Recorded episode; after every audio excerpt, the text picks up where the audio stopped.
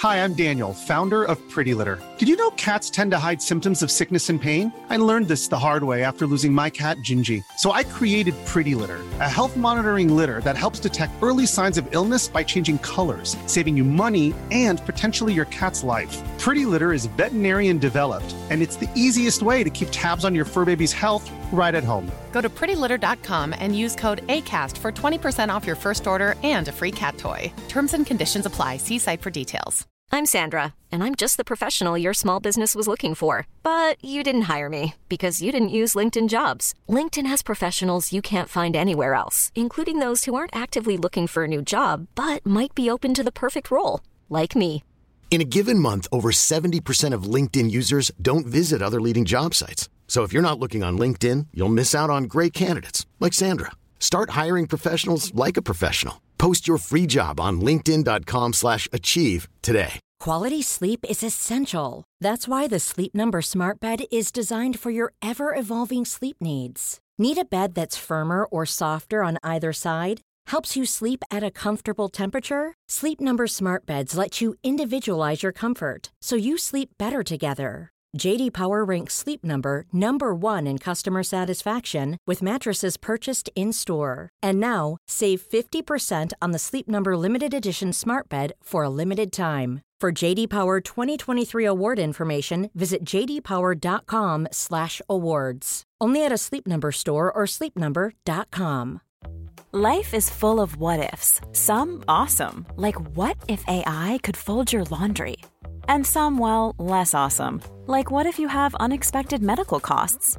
United Healthcare can help get you covered with Health Protector Guard fixed indemnity insurance plans. They supplement your primary plan to help you manage out of pocket costs. No deductibles, no enrollment periods, and especially no more what ifs. Visit uh1.com to find the Health Protector Guard plan for you.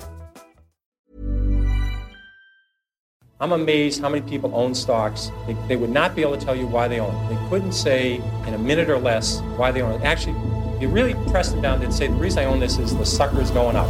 There's enough cash in the financial system, and there is an infinite amount of cash at the Federal Reserve. An infinite amount Put of cash. Put that check in a money market mutual fund. Then we'll reinvest the earnings into foreign currency accounts with compounding interest, and it's gone.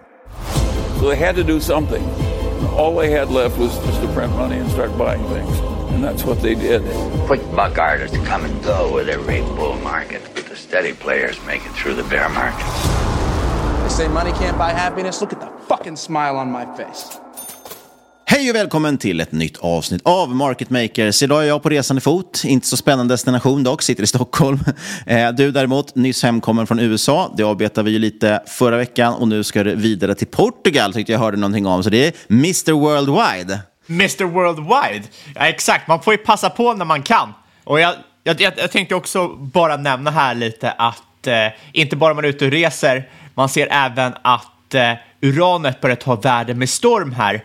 Inte bara nämns det i vart och vartannat avsnitt av Market Makers, utan jag har även sett det första uranbolaget som har börjat annonsera i Formula 1 nu.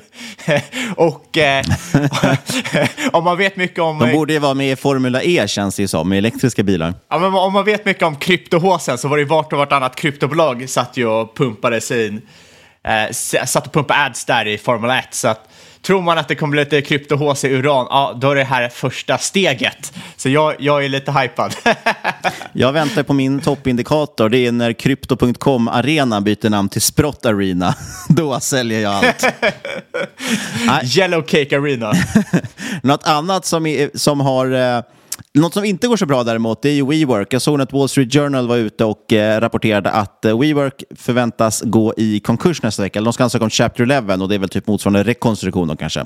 Så från eh, nästan 50 miljarder dollar i värdering till noll på bara några år. Det får man ändå gratulera på en så stark resa. Ja, det ska vara intressant där vart det kommer ut från Chapter 11 och kommer ut på börsen igen. Det kanske blir som ett av de här callplayen. Går 20 gånger pengarna efter det kommer ut. Vem vet, vem vet? Jag tror inte det, de har inte så mycket på balansräkningen. Men eh, ja, man, man får väl se helt enkelt. Men oavsett vad man tror ska gå 20 gånger pengarna så ska man ju såklart in och spekulera om det hos vår huvudsponsor IG Markets som är med oss återigen. Och eh, IG Markets, förutom en smidig tradingplattform, så har de faktiskt också möjlighet för att automatisera handelsstrategier med deras Pro Realtime. Och det här är ju en Alltså, det känns ju nu som att det är väldigt håsat kring AI och så vidare och att saker ska automatiseras. Men Pro Realtime har funnits väldigt länge och just den här automations, automationen av trading, liksom, det, det, har man kunnat experimentera med väldigt länge hos IG, vilket jag tycker är superspännande och väldigt, väldigt intressant. Och är du intresserad av teknisk analys och den typen av verktyg, ja, då har du möjlighet att backtesta dem i Pro Realtime och du kan som sagt då automatisera dina strategier hos IG och se om du eh, ja, kanske du kan ta lite mer ledigt istället för att sitta och handla hela dagarna. Ja, så bli en aktiv kund hos IG och ta del av en avancerad plattform som Pro Realtime kostnadsfritt. Men kom ihåg att all handel med finansiella instrument innebär risk. Och vi säger stort tack till IG Markets. Och apropå risk Fabian så ska vi som vanligt påminna om att det inte är någon rådgivande rekommendation som pågår i den här podden. Vi berättar bara om vår process och hur vi tänker, gör alltid en analys och glöm aldrig att alla investeringar är förknippade med risk. Ja, låt oss hoppa in på dagens avsnitt. Det kommer bli väldigt mycket betting idag, eller snarare kasino ska jag kanske säga. Vi kommer prata Evo och Betsson. Kambi rapporterade idag den här första eh, november. Men jag tänkte snabbt först faktiskt också bara prata lite om vår favorit Asvat Damodaran efter att ha slaktat det uttalet tyvärr. Han eh, medverkar i Invest Like the Best tidigare och när han pratar så lyssnar man ju. Han är ju otroligt duktig eh, aktiv värdeinvesterare och jag tyckte det var lite kul, lite så här makroflavor på det hela. Han pratade lite om eh, hur ska man se egentligen på den här miljön vi är nu med hög inflation och framförallt hög ränta. Och synen på marknaden, och det här håller jag verkligen med om, det är att det här är en avvikelse som vi nu går in i. Det är lågkonjunktur, liksom lågkonjunktur är en avvikelse, hög ränta är en avvikelse, hög inflation avvikelse. Och, men tittar man rent historiskt så är det snarare så att de kanske de senaste tio åren var avvikelsen och inte det normala. Enligt historien så är det mer troligt då, som sagt, att det är så. Eventuellt att inflation är ju någonting ändå ganska ovanligt, att det är så pass hög inflation. Men den här lite högre räntan och att man får en lågkonjunktur är absolut ingenting konstigt. Och han tror framåt att 4% ränta kanske är det man ska räkna med och 3% inflation. Och Det man kan ta med sig som investerare som blir väldigt intressant. Jag menar, nu senaste åren när det har varit nollränta så har man pratat mycket om TINA, there is no alternative. Du måste investera pengarna i någon form av aktier eller liknande eftersom det inte finns någon ränta på pengarna. Men det finns ju också en sån liten effekt idag av att investerare blir väldigt medvetna om var de har cash någonstans och om de har cash. Eh, för något år sedan så spelade det ju ingen roll att du hade pengar liggandes på ett konto. Eh, som, som Aswat säger, då, sa att hade du frågat för ett år sedan så kunde du inte ens svara på hur mycket likvid jag hade på kontot. Men idag är man ju supermedveten om sin cash management just för att eh, alla pengar som egentligen ligger vilande är ju pengar du förlorar på i och med att du har inflation. Så de tappar ju i värde. Du måste ju sysselsätta dem på något sätt. Eh, nu finns absolut det finns sparkonton och så vidare som man kan använda sig av. Och du kan få upp till ja, nästan 4% nu, typ helt riskfri ränta på ett sparkonto. Men oavsett tycker jag det är intressant att det gör att, att folk blir lite medvetna mer om vad de har cash. Och det här med cash på sidlinjen stämmer lite grann. Det finns väldigt mycket pengar som behöver komma in någonstans och sysselsättas. Sen kanske de inte ska in i aktier nödvändigtvis. Det är inte så att han försöker bygga upp någon bullish tes kring det här. Men det är väldigt intressant hur synsättet har förändrats väldigt snabbt. Eh, och vart ska räntan då? Jag sa ju att Asva trodde någonstans på 4% ränta framåt. Eh, varför? Jo, men för att ska man liksom svara på vad räntan ska, då måste man först svara på vad inflationen eh, ligger på. För att räntan styrs egentligen av inflationen. Det är ett väldigt faktiskt roligt sätt att se på det, eh, som är helt sant också. Det är inte Fed som sätter räntan, eller någon centralbank, utan det är inflationen som sätter räntan egentligen. Fed och andra centralbanker reagerar ju bara på inflationsdata. Eh, men han tror då som sagt på 4% ränta eftersom han tror att 3% inflation är något ganska rimligt att räkna med kommande åren. Eh, det är lite högre än vad vi haft de senaste åren, eller ganska mycket högre om man tittar på officiella KPI-siffrorna. Eh, och, Det bygger vi helt enkelt på att tyvärr så är inflationen väldigt svår att få tillbaka igen. När den väl har satt sig och, och liksom släppts ut ur den flaskan så är det svårt att få in den igen. Eh, då är det svårt att få ner inflationen igen och det har vi pratat mycket om tidigare i podden. Sen något annat som vi också pratat mycket om i podden som ju är ganska självklart egentligen, men det är ju ändå viktigt att eh, betona kanske, det är att riskkapital har de här senaste åren inte bara varit tillgängligt utan för tillgängligt.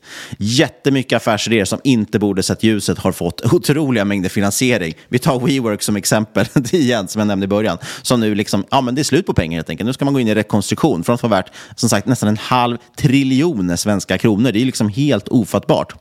Eh, och han lyfter som ett exempel också de här sparkcyklarna som vi ser överallt, som ju går back på varenda körning. Eh, det är liksom en helt idiotisk affär. Ingen människa kommer ju vilja betala det faktiska priset för att köra runt på en sån här sparkcykel. Eh, ja, en del gör det i och för sig, men då går de och köper en egen sparkcykel och kör med istället. Och det är ju lite problematiskt, för här kommer ju liksom effekten av det här kommer ändå synas långt fram. Kanske inte så många som bryr sig om dem, effekten av att eh, cykeluthyrningsfirmor går dåligt. Men, men det är ändå ett väldigt tydligt konkret exempel att när du ställde ut gratis sparkcyklar överallt, eller nästan gratis, ja då gick ju alla cykeluthyrningsfirmor gick i princip i konkurs, för att de kan ju inte konkurrera med det. Eh, ja, och de kommer ju inte komma tillbaka bara för att sparkcykelföretagen försvinner. Och sparkcykelföretagen, de är ju nu på liksom ruinens brant, många av dem. Eh, för som sagt, vem kommer liksom vilja betala det verkliga priset för fyra sparkcyklar på fyllan? Eh, så det är intressant. Och Asfalt säger så att den här perioden kommer aldrig komma tillbaka, för det här har varit så sjukt och, och riskkapital kommer aldrig bli så tillgängligt igen. Där vet jag inte om jag håller med. Jag men, vi har ju haft en hel del galna exempel tidigare i historien. Till exempel under 00-talet som vi pratade om i dotcom-bubblan, där också lite vilda affärsidéer fick väldigt mycket pengar. Sen kan man ju prata om att proportionerna har varit mycket större den här gången. Men eh, sådana här liksom galna maniska perioder kommer absolut komma tillbaka, för det, det är alltid så att historien upprepar sig tyvärr. Eh, och sen tyckte jag det var lite intressant, han pratade lite om hur anpassar man egentligen sina värderingsmodeller nu eh, efter, liksom, när man har så pass hög ränta och inflation och framförallt så för, svår att förutspå eh, ränta och inflation. Och alltså att i slutändan spelar de här variablerna inte så stor roll. Alltså cost of capital som, som variabel är jätteviktig, eh, men också tillväxten, räntan och så vidare. Eh, men de sitter ju ändå ihop någonstans. Någonstans så slår de, tar ju de ut varandra. I och med att om du har väldigt hög inflation, det här kanske framförallt ska man väl säga, gäller liksom lite mer stabila företag, men om du har ganska hög inflation, titta nu på McDonalds, deras rapport var ju, var ju dunderstark. Men sett inflationen kanske inte så jättestarkt. För deras ök, omsättning ökade ju liksom tvåsiffrigt och det är ju för att inflationen har varit tvåsiffrig när det gäller eh, matvaror och livsmedel. Så att är inflationen hög, ja, då kommer också tillväxten öka väldigt kraftigt i många bolag. Helt enkelt för att de höjer priserna. De är duktiga på att försvara sina priser. Eh, räntan kommer också gå upp och allting det här går liksom lite hand i hand. Så de har ju råd att betala en högre ränta. Eh, men, och den reella effekten i slutändan blir dock inte så mycket högre, trots att tillväxten är hög. Så han menar på att det här slår egentligen ut varandra och man behöver inte ta så mycket hänsyn till det. Eh, slutligen ska jag bara nämna också från den här intervjun, tyckte jag var lite intressant. Han säger största risken just nu i marknaden tycker han är Kina. Vi har ju pratat mycket om Kina här i podden, den här kollapsen som det ser ut som lite grann i Kina och vilka effekter den kan få, men också kanske jag vet inte. En del menar på att ja, men det är ändå isolerat till Kina och så vidare. Men Kina får man ändå ta med sig. Det finns en anledning till att folk stressar upp sig över att Kina går dåligt. Och det är för att Kina verkligen går, alltså deras ekonomi går ändå hand i hand med resten av världen. Till skillnad då från Ryssland till exempel. Skulle Ryssland till exempel nu förlora mot Ukraina och, och Rysslands ekonomi kollapsar som den har gjort. Eh, ja, det påverkar egentligen inte världen i stort. Vi har ju redan nu anpassat oss efter att eh, Ryssland och Ukraina till stor del har skurits av liksom, den övriga världsekonomin.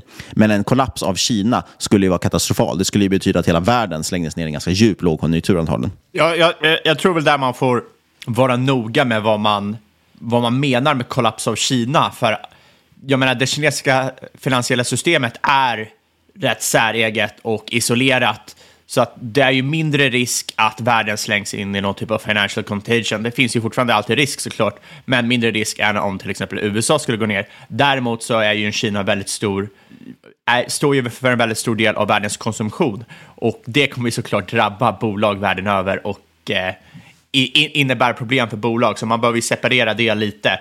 Att... Ja, absolut. Precis. Det, men, men det, hänger ju ändå det, ihop. För att om, om bostadsmarknaden i Kina kraschar, då är det ju väldigt många färre som, som har pengar över till att resa runt världen över och, och konsumera. Och, och, det blir ju ändå någonstans en, en rejäl lågkonjunktur. Alltså, när jag säger jo, kollaps, men det är, det är väldigt stor skillnad från typ 08-kris där folk trodde att hela samhället skulle gå under och att det blir en recession där folk har, kan köpa mindre grejer. Ja, ja absolut. Det, Nej, för, en, folk en kollaps... är väldigt rädda för det här äh, kollapsgrejen. Och ja, det kanske, det kanske är, är ett, lite äh, fel. Det kanske är ett väldigt starkt ord, eh, men en, en, väldigt stor krasch då i Kina skulle ändå betyda en eh, lågkonjunktur för resten av världen. Så kan man väl se det. Absolut. Det är väl, det är väl som man brukar säga, är det inte, finns det någon sån sägning om att när Kina nyser så får hela världen en förkylning? Ja. Något i den stilen. Ja, och det är väl lite så i alla fall. Exakt. Och så, och det, det är liknande med till exempel USA. Alla kriser i USA exporteras ju ut, medan väldigt få kriser utanför USA exporteras in i USA. Och det blir ju så här med stormakter att alla andra länder är ju beroende av dem. Men det... jag, jag var tvungen att kolla upp förresten. Citatet är ju om, om Kina nyser så är det Australien som blir förkyld. Eh, helt enkelt för att de är så pass sammankopplade. Men, men det ligger ändå någonting i att det, det faktiskt påverkar ganska stora del av världen ändå. Det kommer ju uppvisa vissa symptom på förkylning också. Med tanke på att du tar upp räntan så tänkte jag att eh, spinna vidare lite på det som lite djävulens advokat här. Eh, för en sak man hör mycket, bland annat från, från oss, det är att eh, räntan har gått upp väldigt mycket. Varför är inte börsen ner lika mycket? För att börsen har gått ner, men det känns ju som den har hållit, hållit i sig relativt väl jämfört med hur mycket räntan har höjts. Och eh, det kan antagligen finnas flera anledningar. Men eh, realräntan är ju fortfarande liksom relativt lågt historiskt sett, i alla fall om man kollar på amerikanska som ligger väl på 2,5 procent.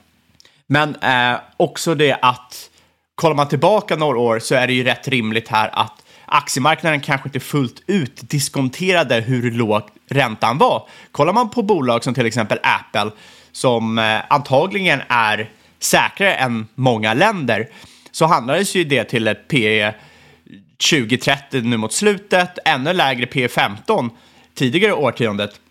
Men hade man diskuterat räntan fullt ut så hade väl Apple handlats närmare P100. Och det är inte bara Apple, och kollar man på Coca-Cola och andra större bolag som är relativt eh, stabila, antagligen har säkrare kassaflöden än många länder, men som handlades till en högre yield. Då kan man ju tänka sig då att aktiemarknaden kanske inte riktigt föll för hur låg räntan var, tänkte att den var övergående och därmed har du inte sett aktiemarknaden backa lika mycket som man skulle kunna tro.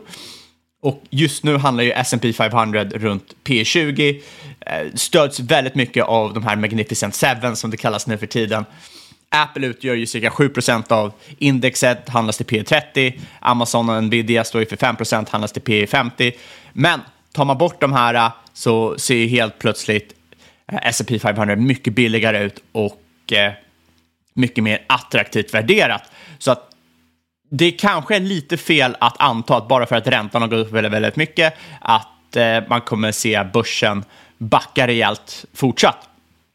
Sen en annan eh, liten fortsättning på djävulens advokat här är ju frågeställningen här att för jag, jag, jag har ju också varit inne på det spåret att det vi har sett senaste tio året är en anomali, vilket såklart det har varit. Vi har aldrig varit nere på 0% Men det är ju också en anomali att räntan går ner och sen går upp över tid.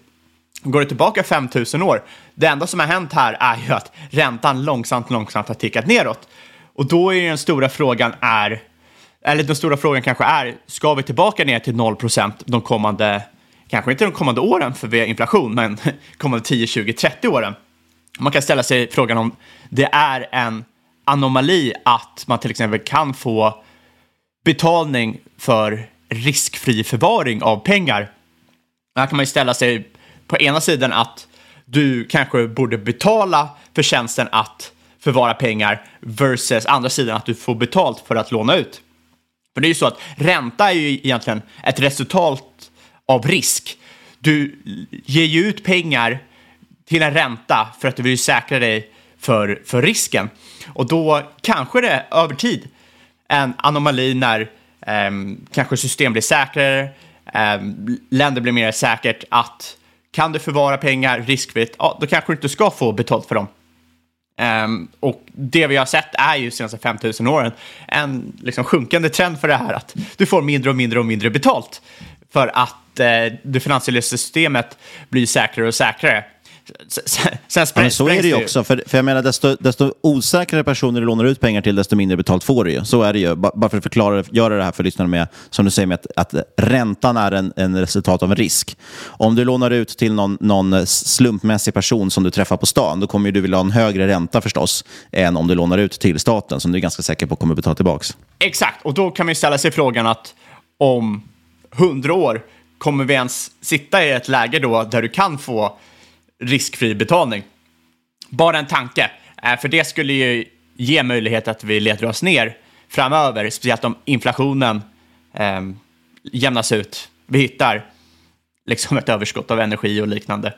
Samtidigt vill du ju ha just det, det hänger ju därmed menar också att det hänger ihop med inflationen. För att du vill ju också ha betalt på grund av att det är inflation så kommer du aldrig vilja låna ut pengarna om du inte får någon form av ränta på dem. Även om det är helt riskfritt.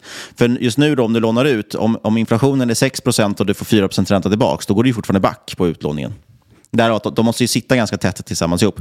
Man brukar ju prata om att den, den liksom man pratar ju om vad är liksom den, eh, ja, vad är uttrycket nu då? Men, men den korrekta räntan. Eh, vad, vad, är liksom den korrekta riskfria räntan egentligen på sikt? Och, och tittar man på det där, det finns ju inget exakt svar, men man, man tror ju någonstans att det ligger kring 3 procent. att det är liksom ett rimligt, eh, lim, rimligt läge för räntan att ligga på. Och det tycker jag också låter ganska eh, rimligt. Ja, ja, absolut. Jag såg för övrigt också, apropå det där med att räntan kanske ska ner igen, eh, Stanley Druckenmiller, som vi pratar mycket om, riktigt duktig investerare. det var någon som sammanfattade fint med, typ- med att man ska inte bry sig om vad han säger, vad han säger i uttalanden, man ska däremot titta på hans tradingpositioner. De är ganska relevanta, vad han gör för någonting. Och just nu säger han i alla fall, eh, jag vet inte om det har verifierats, men han säger att han har köpt massiva eh, positioner i två, tvåårsräntan i USA. Eh, för att han är väldigt, väldigt orolig för ekonomin. Och det har kommit in de senaste veckan att han har blivit väldigt, väldigt nervös för ekonomin. Vilket ju då gör att han tror på att man antagligen kommer behöva sänka räntorna snart, de korta räntorna. Och det är väl lite samma case som vi har argumenterat för. att Nu har man höjt räntan väldigt mycket. Effekterna laggar ju alltid från att man höjer räntan. Så brukar det ta typ ett halvår eller innan det syns i praktiken. Och nu ser man ju att det är en lågkonjunktur på ingång om den inte redan är här. Eh, vilket gör att så småningom kommer man behöva ja, helt plötsligt gå in och mjuka upp det där lite grann igen, antagligen också. För att eh, blidka folk. Och då eh, ja, som sagt, kommer räntorna ner igen. Eh, mm. Och skulle ge ett fantastiskt svung här för aktiemarknaden. och ja, bonds såklart och allting man äger, vilket har varit trevligt. Speciellt nu när det, det känns mer och mer eh, konsensus som sagt att det är tokrecession och börskrasch och så på ingång. Även fast... Precis, just nu är ju nästan det, det motsatta traden. Eh, liksom the contrarian trade är ju snarare kanske att tro på fortsatt hög ränta. Men jag tänkte vi skulle hoppa in på lite rapporter och den här veckan fram, kommer det framförallt bli betting och online-casino. Men först lite meddelande från en sponsor. Vi sponsras den här veckan också av miljöteknikbolaget Insplorion. Och Insplorion har utvecklat och patenterat sensorteknik för precisionsmätning som faktiskt kan användas till flera olika områden. Men förra året bestämde man sig för att man ska fokusera helt på sensorer för den växande vätgasindustrin. Här ligger ju linje med den här gröna omställningen. Och det har nu börjat betala av sig och under hösten har de signerat tre kommersiella avtal inom det här. Ja, vätgasindustrin är på stark frammarsch. Enligt en rapport från Bloomberg NEF investerade det 72,6 6 miljarder dollar i vätgasindustrin globalt under förra året. Häromveckan presenterade även USAs president, Mr President Biden, att sju regionala centrum för vätgas kommer att få 7 miljarder dollar i finansiering i syfte att eh, påskynda produktion av kostnadseffektiv och ren vätgas i USA. Ja, och Insplorion vill ju monetarisera på det här och för att accelerera kommersialiseringen så genomför man nu en företrädesemission om initialt 19,6 miljoner kronor. Och du kan gå in och läsa mer om den här emissionen på insplorion.emissionsinfo.se. Länk till det hittar du i avsnittsbeskrivningen. Och vi säger stort tack till Insplorion. Ja, men låt oss då gå igenom några av eh, betting och kasinobolagen som har rapporterat här i veckan. Vi är ju inne i rapportsäsong så det kommer bli väldigt mycket fokus på det här lite tag framåt. Jag vet att RakeTech också, som vi har aktier i, ligger ju två veckor fram tror jag tiden dock, så där får man vänta lite grann på. Men Senast var väl idag, det är första november nu spelar in det här, släpps andra november, kom Kambi in och den ska jag absolut inte gå på djupet i för den har jag knappt läst. jag har inte hunnit titta så noga till den. Eh, och det är inget bolag jag faktiskt följer jättenoga. Det känns ju som att de haft det lite tufft med tanke på att eh, ah, det har varit mycket motvind liksom, i och med att många andra spelare skulle lansera egen sportbok helt plötsligt och då valde man bort Kambi som leverantör. Eh, med tanke på ränta nu dock så är det dock intressant faktiskt fundera lite på hur många kommer fortsatt göra stora satsningar på att bygga en egen sportbok. Eh, nu när jag sagt det, eh, ja, cost of capital har gått upp helt enkelt eh, och man kanske inte har lika stor tillgång till riskkapital, blir Kambi mer intressant. Och det är i alla fall liksom first level-analysen på Kambis läge. Och det var ändå en ganska stark rapport. Växer intäkterna i kvartalet med 15 procent. Vinst per aktie växer med nästan 40 procent. Eh, och trots det stiger aktien bara någon procent. Så det är lite intressant ändå vad som är inbakat i förväntningarna här. Eh, och de signar bland annat Svenska Spel, vilket man ju förstås gillar. Eh, Dessutom lanserar de en AI-plattform nu för att sätta då, jag antar att den ska sätta odds. Eh, och den heter Tesseract, så det är väl lite coolt. eh, det känner man igen från Marvel-filmerna. ja, det, det, är det man känner igen det ifrån va?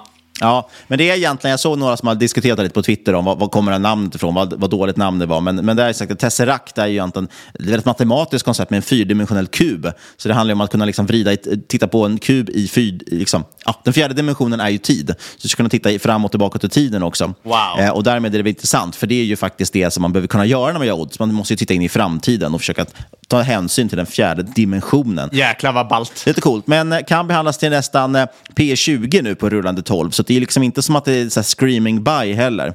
Eh, faktiskt. Nej, men... Då finns det ju mer intressanta bettingbolag kan jag tycka. Men, ja, visst, men då ska man ju också tänka på vad som har hänt med Kambi. Sen, nu, nu har inte jag läst den här rapporten, för jag kom precis från ett flygplan.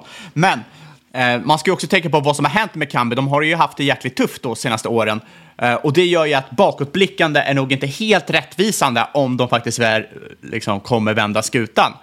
Och då kan det ju faktiskt vara väldigt intressant i sådana här situationer. Se, ah, det är, alltså P20, marknaden kommer, eller investerare kommer tycka att det här är lite dyrt jämfört med många andra spelare. Men blickar man fram kanske de har en möjlighet att vända det här. Så eh, jag säger inget om kan vi får ta upp det när vi båda läser rapporterna, men i sådana här lägen är det intressant att kolla framgent snarare än bakåtblickande. Var det väl, Ja, faktiskt. väldigt Vä- utdraget väldigt för att säga något sånt, sånt eh, enkelt. Jag kunde sagt det bara en mening istället för att dra ut på det i fem minuter. Ja, men det, det är en jättebra poäng faktiskt. Och det är lite därför jag lyfter upp det också. För jag tycker det är intressant att eh, man ska nog titta, börja titta lite noggrant på Kambi och fundera lite på som sagt, vad som kan hända framåt nu när kanske färre satsar på egen sportbok. Men som sagt, vi har Ja, sen tyvärr- är det ju också intressant Ja, sorry. Men sen är det också intressant med sånt här bolag som har varit en Twitter-darling, har varit älskad av alla och sen helt stryks bort. Eh, Man ser nästan ingenting om det längre. Och jag säger inte att det här innebär att det är ett bra köp eller liknande, men det gör ju mer intressant att kolla på när ingen kollar på det, känns det som, och eh, de eventuellt har en liten inflation. Ja, och om vi vänder på det då. Högt P talen då på Kambi, men sagt det är historiska siffror. Tittar vi på bolag som har lågt P tal just nu på historiska siffror så är det Betsson. Eh, och Betsson de drämde ju till med en riktig rökarrapport här för några dagar sedan. Sjunde kvartalet i rad med sekventiell tillväxt och marginalerna fortsätter öka. De har gjort en rejäl tillväxtresa senaste året ju framförallt. För det är ändå inte så himla stor liksom, omsättningskagge. Tittar vi tillbaka de senaste fem åren enligt börsdata är omsättningstillväxten eh, då i genomsnitt per år 13 procent, vinsten däremot 11 procent.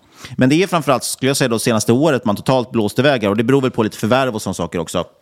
Man växer nu i Q3 19 procent eh, intäkterna, varav 39 procent är organiskt, så det är otroligt imponerande. Eh, kasinointäkter ökar 27 procent, sportboksintäkter dock bara 2 procent, så det är den svagaste delen. Och det guidar man för framåt också, att även i Q4, man lämnar alltid en så här trading update, hur ser det ut nu liksom i början på Q4? Och det, även där ser man då att det ser väldigt starkt ut framåt med just sportboksmarginalen och sportboksintäkter är väl det som är svagast. Ebitda ökar 42 procent, vinst per aktie 45 procent, eh, vilket då resulterade i P8 på rullande 12. Och det låter ju otroligt billigt tycker jag. Ska återkomma till det. Eh, det är just vinstmarginalen sagt. Eller just det, jag ska nämna också antal aktiva kunder är någonting man mäter också i, i, i Betsson tycker jag är intressant. Och det har väckt nästan eh, 20 procent. Eh, vinstmarginalen också. Eh, som sagt, marginalen stärks ju rejält. Från 15 procent till nästan 20 procent, vilket ju är otroligt starkt. Eh, lite som har hänt. Betfirst, som man köpte i Belgien, inkluderas nu i resultatet. Man har också lanserat sitt märke Risk i Serbien. Och det är en reglerad marknad. Och en lokal licens för sportspel erhölls i Frankrike, där man nu ska lansera i Q4. Och Frankrike är ju en stor viktig spelmarknad i Europa. Och Det är intressant, ju, för man pratar ju mycket om makro här. Vi ska återkomma till det i nästa rapport också. Men det är mycket fokus på makro. Hur, vad ska makro ta vägen och hur kommer det påverka bettingbolagen? Och Det är lite intressant då. Pontus Lindvall, vd för Betsson, säger att vi känner inte ens av en darrning av konjunkturen. Och lite intressant, jag ska återkomma till det när vi pratar evolution sen lite kring makrofaktorer inom betting. Att även där ser man liksom ingen påverkan av det. Eh, Pontus för övrigt också, har han kanske Stockholmsbörsens sämsta signatur? Han signerar ju under vd-ordet och det, det, ja, jag vet inte. Jag vet knappt om det kan klassas som en signatur. Men det har inte så mycket med bolaget att göra. Han har gjort ett otroligt jobb verkligen när han har eh, vänt det här bolaget. Och man kan väl säga det, just som sagt P 8 just nu på rullande 12, drygt 4% direktavkastning. Man säger på konfkåret att man framförallt prioriterar M&A, alltså förvärv, snarare än återköp. Man verkar också väldigt sugen på mer återköp och eh, det var inte så länge sedan man emitterade en obligation också om 75 miljoner euro. Så den ska man väl förhoppningsvis använda till någonting spännande också. Eh, jag räknar på P6 kanske någonting nästa år eh, och jag tycker att det är alldeles för billigt oavsett nästan hur man räknar. Ja, det beror på. Man kan ju alltid räkna väldigt konstigt också. Nej, jag skojar. Men eh, vi äger ju aktier i bolaget eh, och jag äger också lite aktier i Betsson. Eh, det är intressant ju med bettingbolagen. Det har ju växlat så otroligt mycket vilka P tal de ska faktiskt värderas till. Eh, De har ju gått allt från mellan, liksom, eh, som minst kanske runt 6 hela vägen upp till 25 någonstans. Lite beroende på hur marknaden har sett på det. Ett tag var det ju liksom vårt nya stora tech-under, vårt stora exportsystem med bettingbolagen. Och nu är det ju mycket mer fokus då på ESG, att det här är inte okej. Och indexfonder och annat har ju vräkt ut aktier i de här bolagen och tryckt ner dem rejält. Och eh, ja, det ska väl knappast upp till något P 25 igen, men däremot tycker jag att det kanske är rimligt med P 10 för det här bolaget. Det är ändå liksom ett väldigt stabilt bolag som, som eh, ja, de exekverar ju otroligt bra och växer ju också fortfarande väldigt fint. Så jag tycker att P 10 borde vara rimligt och då har det ganska stor uppsida från dagens kurs tycker jag. Eh, och sen växer de ju på det och det, även deras trading update som sagt såg ganska stark ut. Så det ser inte ut som att... De har inte sett någonting än så länge som, som liksom, eh, pekar på att det skulle bli sämre tider framgent, på kort sikt i alla fall. Sen då, så ska man förstås nämna att största risken här, och det är väl det många ser också, det är väl den här mängden gråa marknader som Betsson verkar på. Turkiet såklart, det är otroligt stort. Eh, I dagsläget har man en femtedel av intäkterna i Norden, en femtedel från Latinamerika, knappt en femtedel från Västeuropa och så nästan hälften i det man kallar för CESA. Det är Central och Östeuropa samt Centralasien. Och där vågar man väl kanske då säga Turkiet istället. Eh, man blev blockerad dessutom här i Chile, så det har varit lite stökigt där. Eh, men man har stora förväntningar på till exempel Brasilien. Så det finns ju en mängd tillväxtfaktorer. Man säger att det inte bara är Latinamerika som ska växa och inte bara Turkiet, utan det är flera olika ställen man ska växa på. Sen blir det ju mycket frågan här, liksom, hur, kommer, hur kommer man påverkas av nya regleringar och så vidare. Det är alltid det som är stora risken med bolagen, men det vet ni ju redan. Eh, och man pratar även lite på Confcort om den här globala spelskatten som diskuteras. Och eh, man har inga detaljer egentligen om den, men det enda man kan säga och bekräfta är att ja, det här kommer vara negativt för Betsson såklart. Men hur negativt, det vet man inte ännu. Nej, jag håller med. Jag tyckte också att det var en eh, riktigt bra rapport. Men som du säger så är det ju skatten här och eh, Turkiet som spökar för aktien och framförallt för värderingen. Och jag tycker att det är rätt, det är rätt tydligt att marknaden liksom helt räknar bort eh, antingen räknar bort hela CESA eller en väldigt stor del av CESA. Eh, och man kan väl anta att hela CESA är typ Turkiet. Och det står väl för 40 procent av totala omsättningen och största enskilda regionen. Eh, och antagligen är det väldigt hög marginal. Ehm, jag räknar på att Betsson handlas till P8 för 2023 estimat. Och, eh, men tänker man så här, tänker man att hela Turkiet skulle ramla bort av någon anledning, ja då kanske hälften av vinsten försvinner. Då handlar vi till P15-16. Jag säger inte att det här kommer hända, men det tycker jag ger en rätt bra trygghet här att även om det händer så känns det inte för dyrt. Det är inte som att det här bolaget handlas till P20 och sen ramlar en stor del av vinsten bort och helt plötsligt handlas det till P50. Och du kommer se en stor... Nej, men man förstår ju då hur folk räknar. För då räk... Folk räknar ju med en probabilitet liksom, för hur säkra de här intäkterna. Och, och då skulle man då tycka att bolaget ska vara värt 10-12 kanske någonstans, ja, men då, då betyder det att man har satt en viss probabilitet på liksom, Turkiet-delen, eller satt en viss risk på den. Eh, så det är, det är ganska rimligt då kan man tycka sig med de förväntningarna. Exakt, absolut. Jag, jag kan inte bedöma det själv. Jag ser här att du har antingen har du ett P7-8-bolag som drar in väldigt mycket cashflow. Kommer antagligen alltid vara ett P7, P7 8-bolag med den här överhängande risken. Men du får väldigt mycket kassaflöde för det och diverse M&As och liknande som kan över tid expandera din, eh, liksom dina intäkter. Eller så köper du ett P15-bolag som har kortsiktig overearning som du kan få utdelningar och liknande ifrån. Och inget av dem är särskilt negativt enligt mig. Eh, sen kan marknaden reagera hur de vill, men jag menar, båda känns såklart bra. Alltså bästa situation hade såklart... Med, med en option dessutom om multipel expansion. Alltså det måste man ändå se som en option. Att det kan vara ett P 7-bolag som nästa år helt plötsligt konverteras upp till P 10 för att man har kommit på att nej, men vi kan nog lita på Pontus och att och den turkiska marknaden kommer fortsätta. Absolut, absolut. Det, det jag försöker säga är att oavsett om det är en P7 eller P10 eller P15 här så tycker inte jag att det är negativt ett dåligt köp oavsett vad som händer. Vissa, vissa utfall skulle såklart vara mycket bättre än andra. Sitter vi på P7 som blir en P12 på multipel expansion, behåller alla sina intäkter och fortsätter växa. Det är såklart drömläget, men man kan inte få allting här i världen. Eh, men med det sagt, jag ser det här P8 för 2023 estimat. Eh, jag, jag räknar lite lägre tillväxt än vad du gör, så jag ser P7 något år ut. Men jag tror också att allt annat lika så borde det handlas till minst P10. Skönt att vi är överens om det i alla fall. äntligen! Vi hoppar vidare äntligen. till Vi hoppar vidare till sist ut Evolution som gör en riktig finans-Twitter-darling, eller finans-darling får man säga, aktiedarling. Eh, har ju över 75 000 ägare tror jag på Avanza, så det är ju eh, ett bolag som många tittar på. Eh, och eh, Q3 kom in för några dagar sedan, intäkter växer nästan 20 procent, vinst lite drygt det, så fortsatt viss marginalförbättring även om det stannar av och det är det marknaden liksom ogillar just nu med Evolution, att tillväxten taktar av, eh, eller ja, tillväxttakten taktar av, deltat som man pratar om, och även marginalresan ser ut att liksom plana ut här någonstans. Sen lägger man till dock att omsättningen påverkas 6-8 procentenheter av valutaeffekter. Det är ändå ganska markant. Alltså. Eh, och det beror ju på att man har ju marknader liksom runt om hela världen, folk spelar olika valutor och sen konverteras allt det här till euron då, som man har gått ganska svagt. Eh, hög efterfrågan. Har, det, det, det har väl varit tvärtom att euron har presterat starkt jämfört med andra valutor och så har du fått betalt i olika valutor och sen när du ska växla över så får du mindre euro för Ja, förlåt. pengarna du sitter på. He- helt korrekt, så ska det förstås vara. Bolaget nämner för att det är hög efterfrågan och kostnadseffektivitet som genererat då, eh, det här bra resultatet och det har dessutom lett till att man har en ebitda-marginal nu på 70,4 procent. Det är verkligen otroligt högt. Eh, ligger dock inom det kommunicerade målet, man, som man dessutom behåller. Man har ett mål om 68-71 procents ebitda-marginal och där ligger man nu. och jag vet inte, Det finns ingenting som säger att man ska förvänta sig en högre marginal i det här bolaget. Eh, det har jag i alla fall inte med i mina kalkyler och det vore, vore oklokt tror jag, att räkna att det ska fortsätta liksom öka. Eh, det händer väldigt mycket. Som sagt, man har väldigt hög efterfrågan. Så att man har lanserat en andra studie i Latinamerika. Man har flera studier på G. Det verkar behövas dessutom. Något som var intressant som man nämner i, i konfkollet är att antalet spelrundor ökar snabbare än intäkterna. Alltså folk spelar fler antal gånger men med mindre insatser helt enkelt. Och Det kan väl dels bero på geografierna som man är på, att det är länder där man har mindre pengar helt enkelt att röra sig med, men också kanske en konjunkturfaktor helt enkelt att folk har mindre pengar att spela för, eh, så de drygar ut det i fler spel. Ja. Eh, det betyder ju dock att du måste ha fler studier helt enkelt och fler spel att spela på, högre kapacitet helt enkelt. Absolut, men jag, jag, jag tolkar det som att det var det, det första du sa det här att eh, spelaraktiviteten går hand i hand med tillväxten och tillväxten kommer från Asien och Latinamerika och där har du mindre pengar, det vill säga mindre bet size och eh, det, det är därför du ser att spelaktiviteten växer snabbare än eh, nettoomsättningen. Det var liksom lite som techbolagen 2020-2021 där de fick alla sina intäkter från typ Nordamerika. För det är i Nordamerika du kan betala så försöker de växa i typ Indien och grejer får inte, får inte ett skvatt.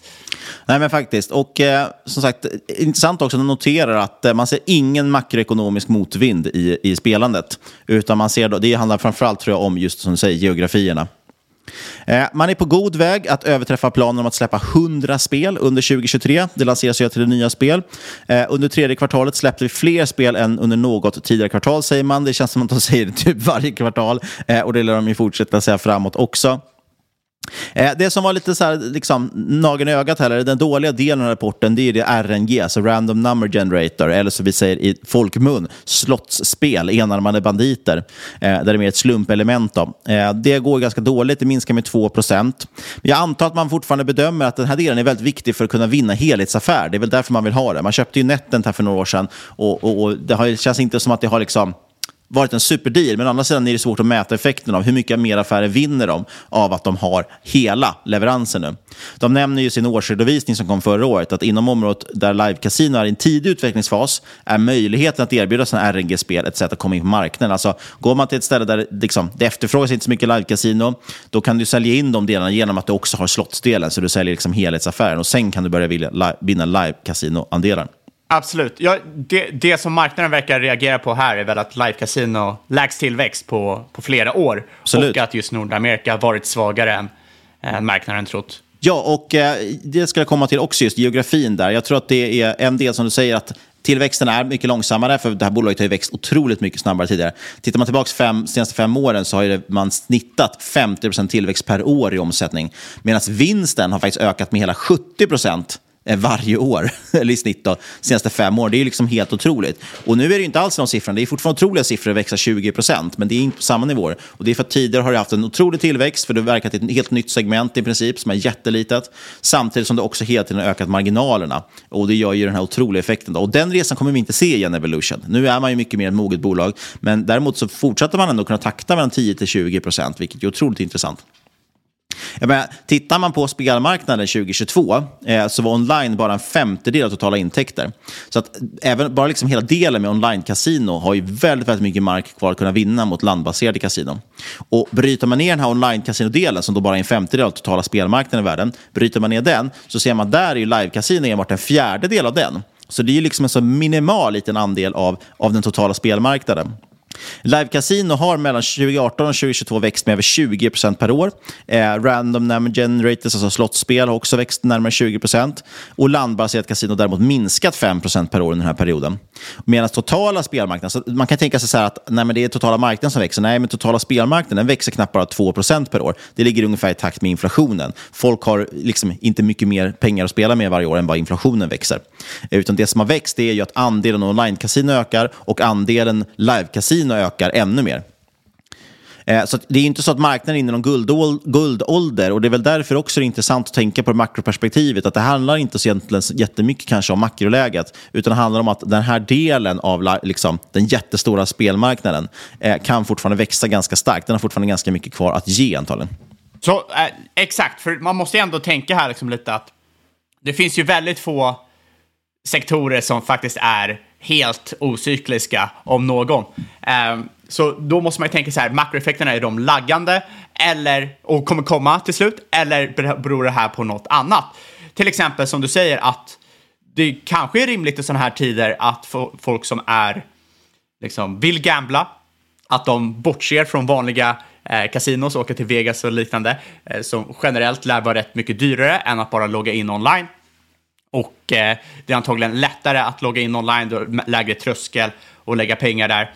Och Och jag tror framförallt det är en generationsfråga. Att, att desto fler yngre spelare som kommer in, desto fler, folk, fler som blir vana vid smartphones och datorer och så vidare, desto fler spelar också online. Tycker det är smidigare. exakt, lä, lä, Tyvärr också. Det, det är liksom smidigare för den som är riktigt beroende också. Är det otroligt mycket smidigare att logga in på nätet än vad det är att åka till ett kasino fysiskt. exakt, och det kan ju ta ut liksom lite av de här makroeffekterna vi ser nu, antar jag.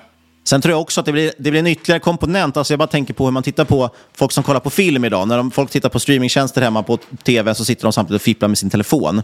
Eh, och det gör man ju även om det är en sportmatch eller så vidare. Och då är det ganska logiskt. Det blir nästan en socia- del av den sociala komponenten i att titta på till exempel fotbollsmatcher. Att samtidigt också betta från telefonen. Eh, och t- snacka med sina polare. Vad bettar ni på? Vad bettar ni inte på? Eh, där blir det ju en del som förhöjer liksom sportupplevelsen utan att behöva vara... Eh, ja, det, det behöver inte vara ett beroende, utan det blir bara liksom en del som, som förhöjer det lite grann. Eh, så där tror jag liksom att ja, jag tror den sociala faktorn spelar in roll också. Eh, och att som sagt att det blir mer och mer lättillgängligt genom telefonen. Så. Så att online-delen kommer absolut växa hela tiden mot landbaserat, det tror jag. Eh, det, det finns nog väldigt mycket kvar att, att väga upp för där. Och sen även live-casino som sagt som har varit eh, väldigt intressant. Eh, eller det visar sig att det är en väldigt underhållande produkt. Folk tycker det är roligare oftast än slots. Eh, men sen tror jag också, eller vi, vi kan bara snabbt också ta det här med marginalen. Eh, det är ju fortfarande en vansinnig marginal. Vinstmarginalen ligger på 58 procent just nu på rullande 12. Det är helt otroligt, men det är någonstans där det stannar in. Det kan inte bli så mycket högre. Eh, snarare kanske det till och med kan komma ner lite grann då om man behöver satsa mer. Men eh, för fem år sedan så var ju marginalen ner på drygt 30 procent, så det är nästan dubbling man har gjort här de senaste åren, vilket ju liksom är helt otroligt. Och det har gjort den här enorma resan, men det kommer man ju sagt inte göra om. Det finns ju en, en gräns hur mycket marginal man kan ha. Men sen tror jag också, som du sa, Eh, kring geografiska mixen, att det är det, alltså en del, del av det som marknaden kanske också ogillar lite grann. Eh, dels kan man tänka kring USA, det skulle bli den här stora nya häftiga marknaden, men den växer bara inom citationstecken 9 procent. Eh, medan Asien och Latinamerika växer 35 respektive 39 procent. Eh, Europa ligger stadigt kring 10 procent tillväxt. Man hade ju hoppats kanske på mycket mer från USA eh, och många hoppas nog också på att liksom, framförallt kanske Asien då ska bli en mindre del för att den känns lite oseriösare eller svårare helt enkelt. Man har ju lite samma problem här, liksom, hur mycket gråmarknader jobbar man på egentligen? Den är svår att få överblick för eh, på ett bolag som Evolution tycker jag. Just nu handlas i alla fall Evolution till P18 på rullande 12 med drygt 2% av direktavkastning. Vi har ju pratat om bolaget i många, många år. Det har ju varit uppe i, i väldigt, väldigt mycket högre nivåer på P-talet. Eh, då fanns det skäl också för att det kunde vara köpvärt, men nu tycker jag liksom under P20 för något som fortsätter växa 20% per år. Jag tycker inte att det är, jag tycker att det är ganska rimligt ändå. Och jag förstår den här oron, men jag, tycker, jag delar den inte riktigt som marknaden har. Som sagt, online-casino är fortfarande en så otroligt liten del av totala kasinomarknaden och live-casino är en ännu mindre del av den kakan. Eh, och dessutom, alltså folk gillar den här typen av spel och de är väldigt kostnadseffektiva. Eh, så jag, jag tycker att även Evolution fortsatt vi, känns som ett ganska intressant play eh, och vi har ju aktier i Evolution också. Eh, jag gjorde missen också att jag köpte lite innan rapporten för jag trodde den skulle bli bra. Eh, jag hade sålt en del av mina aktier innan och eh, jag har dock köpt lite mer nu efter att den gick ner ganska mycket på rapporten. Och jag tycker liksom någonstans att, att tittar man också på vad Karlsund säger, alltså vdn i Evolution, säger han, vi ser en högre efterfrågan än vi för närvarande kan le- leverera på. Eh, man har dock stött på vissa förseningar, expansion och jag tror mycket av det här är kopplat till rekrytering. Det är svårt att få tag på folk och det säger han också, vi behöver öka rekryteringstakten. Men det finns ingenting egentligen som tyder på avmattning, om man nu ska lita på ledningen förstås. Vi pratade ju om det förra veckan lite grann. Eh, men man kan växa genom att ta nya andelar, så jag tror inte liksom konjunkturen är så jätteviktig. Man växer istället genom att ta nya andelar. Eh, och tillväxten i det här kvartalet är helt organisk, ska tilläggas också. Men man har en stark balansräkning att investera, både i mer organisk tillväxt, men också förvärv om man skulle vilja. Man har inte gjort någon, gett någon ny information om återköp. Det kommer upp som en fråga på Confcall förstås. Eh, men man har gjort återköp förut, så det kan man alltid hoppas på lite grann också. Eh, jag tror man kanske gör 67 kronor eller något nästa år i vinst och då skulle det ge knappt P15 på dagens kurs för 2024 alltså då. Eh, och som sagt, jag äger i aktier i det här också. Ehm, Och vi har väl Evolution i bolaget dessutom. Ja, och eh, jag menar, en stor risk här för Evo är ju, som med Betsson, det är ju skatten. Eh, det var ju konfkollet man pratar om att skatten kommer gå från 7% till 15-20 eh, 2024, har jag för mig. Och eh, det påverkar ju såklart eh, värderingen också och marknaden verkar inte gilla det. Och sen tror jag också att ett av de stora problemen... Och, och det har inte jag med, kan jag bara tillägga, det har inte med i några av mina estimat. Äh, så det är ju en, en stor nedsida som kan dyka upp. Ja, men det, det, det, det tar väl ut typ tillväxten nästa år, så att det handlas väl till samma P.S. som det gör nu, antar jag. Eh, men ett, det stora problemet för Evo här eh, är väl att det är ett arbetskraftsintensivt bolag. Eh, och vi ser ju fortsatt hög inflation och det sätter ju fortsatt press på personalkostnader, men också för studioexpansion. Så att liksom capex och opex nämndes ju i konfkålet och eh, det är ju inte så jättekonstigt. Har du hög inflation så lär ju de här öka också. Och det lär ju sätta squeeze på marginalerna. Och jag personligen ser ingen annan utväg här för Evo än att man måste göra ett val. Ena valet är att man antingen har lägre tillväxt framgent eller att man har lägre marginaler framgent. För det enda sättet att liksom spara på tillväxten är att sänka marginalerna eftersom du måste investera i OPEX, investera i CAPEX. Eh, live är inte lika skalbart i inflationstider och eh, du kommer liksom inte kunna bibehålla både tillväxten och marginalerna liksom i all oändlighet. Någonting måste gå. Och eh, jag, jag tror väl här att man kommer väl liksom låta, låta marginalerna ta en hit för att eh, dra igång tillväxten igen. Ja, men det tror jag är troligt också. Det var lite, lite inne på att det snarare ska man göra någon form av marginalresa härifrån så är den nog tyvärr nedåt. Men där är frågan då. Pessimisterna tror att det ska ner väldigt, väldigt mycket eh, och jag tror väl kanske inte att det ska ner, behöva komma ner riktigt så mycket. Men sen kan ju såklart också den här skatten slå en del mot det också. Ja, det är väl som Monish Pabrai säger, osäkerhet ger de bästa tillfällena. Eh, osäkerhet och risk är ju trots allt inte samma sak. Eh, men likt dig så Eh, jag, jag har rätt liknande estimat som vad du har. Eh, såklart handlas det ju Evo till P 18 på rullande 12. Jag tror väl lite högre PE liksom framöver. Eh, väl P 17 för 2023 och liknande för 2024. Och det tar ju hänsyn till lite, lite högre skatter och liknande. Eventuellt lite mindre till, lägre tillväxt också. Eh, men jag tycker inte det är... Alltså det, det, det är inte någon screaming buy. Det är inte någonting som jag slänger mig över. Eh, men någonting som jag till exempel kan lägga in i en gemensam portfölj som man inte övervakar lika, lika noga och inte lika hög avkastningskrav på. Nej, och det var väl därför jag köpte, din förra, köpte tillbaka det inför rapporten igen också. För jag trodde, jag trodde den skulle vara lite bättre än vad den var. Eller jag tyckte fortfarande att den var bra, men marknaden tyckte inte den var tillräckligt bra. Eh, och då fick man ju dubbla upp lite grann också när det gick ner. Och sen eh, tror jag förhoppningsvis att det ska ordna upp sig över tid. Eh, men det var väl dagens avsnitt. Vi tog lite bettingrapporter och eh, ja, vi fortsätter nästa vecka. Då kommer det säkerligen ha kommit mycket mer spännande rapporter tills dess också.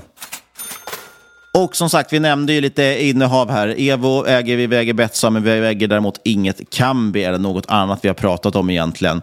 Eh, som vanligt ska vi dock påminna om att det inte är någon rådgivning eller rekommendation som har pågått i den här podden. podden. Alla åsikter var rena eller var gäst och eventuella sponsorer tar inget ansvar för det som sägs i podden.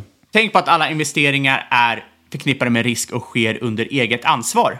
Vi vill rikta stort tack till veckans sponsorer. Gå in och läs om Insplorions företrädesemission om du är intresserad av den. Och såklart ett stort tack till vår huvudsponsor IIG. Allt det här hittar ni mer info och länkar till i avsnittsbeskrivningen. Kontakta oss på podcast at marketmakers.se eller på Twitter och eucaps at marketmakerspod. Och glöm inte lämna en recension på iTunes. Och sist men absolut inte minst, kära lyssnare, stort tack för att just du har lyssnat. Vi hörs igen om en vecka.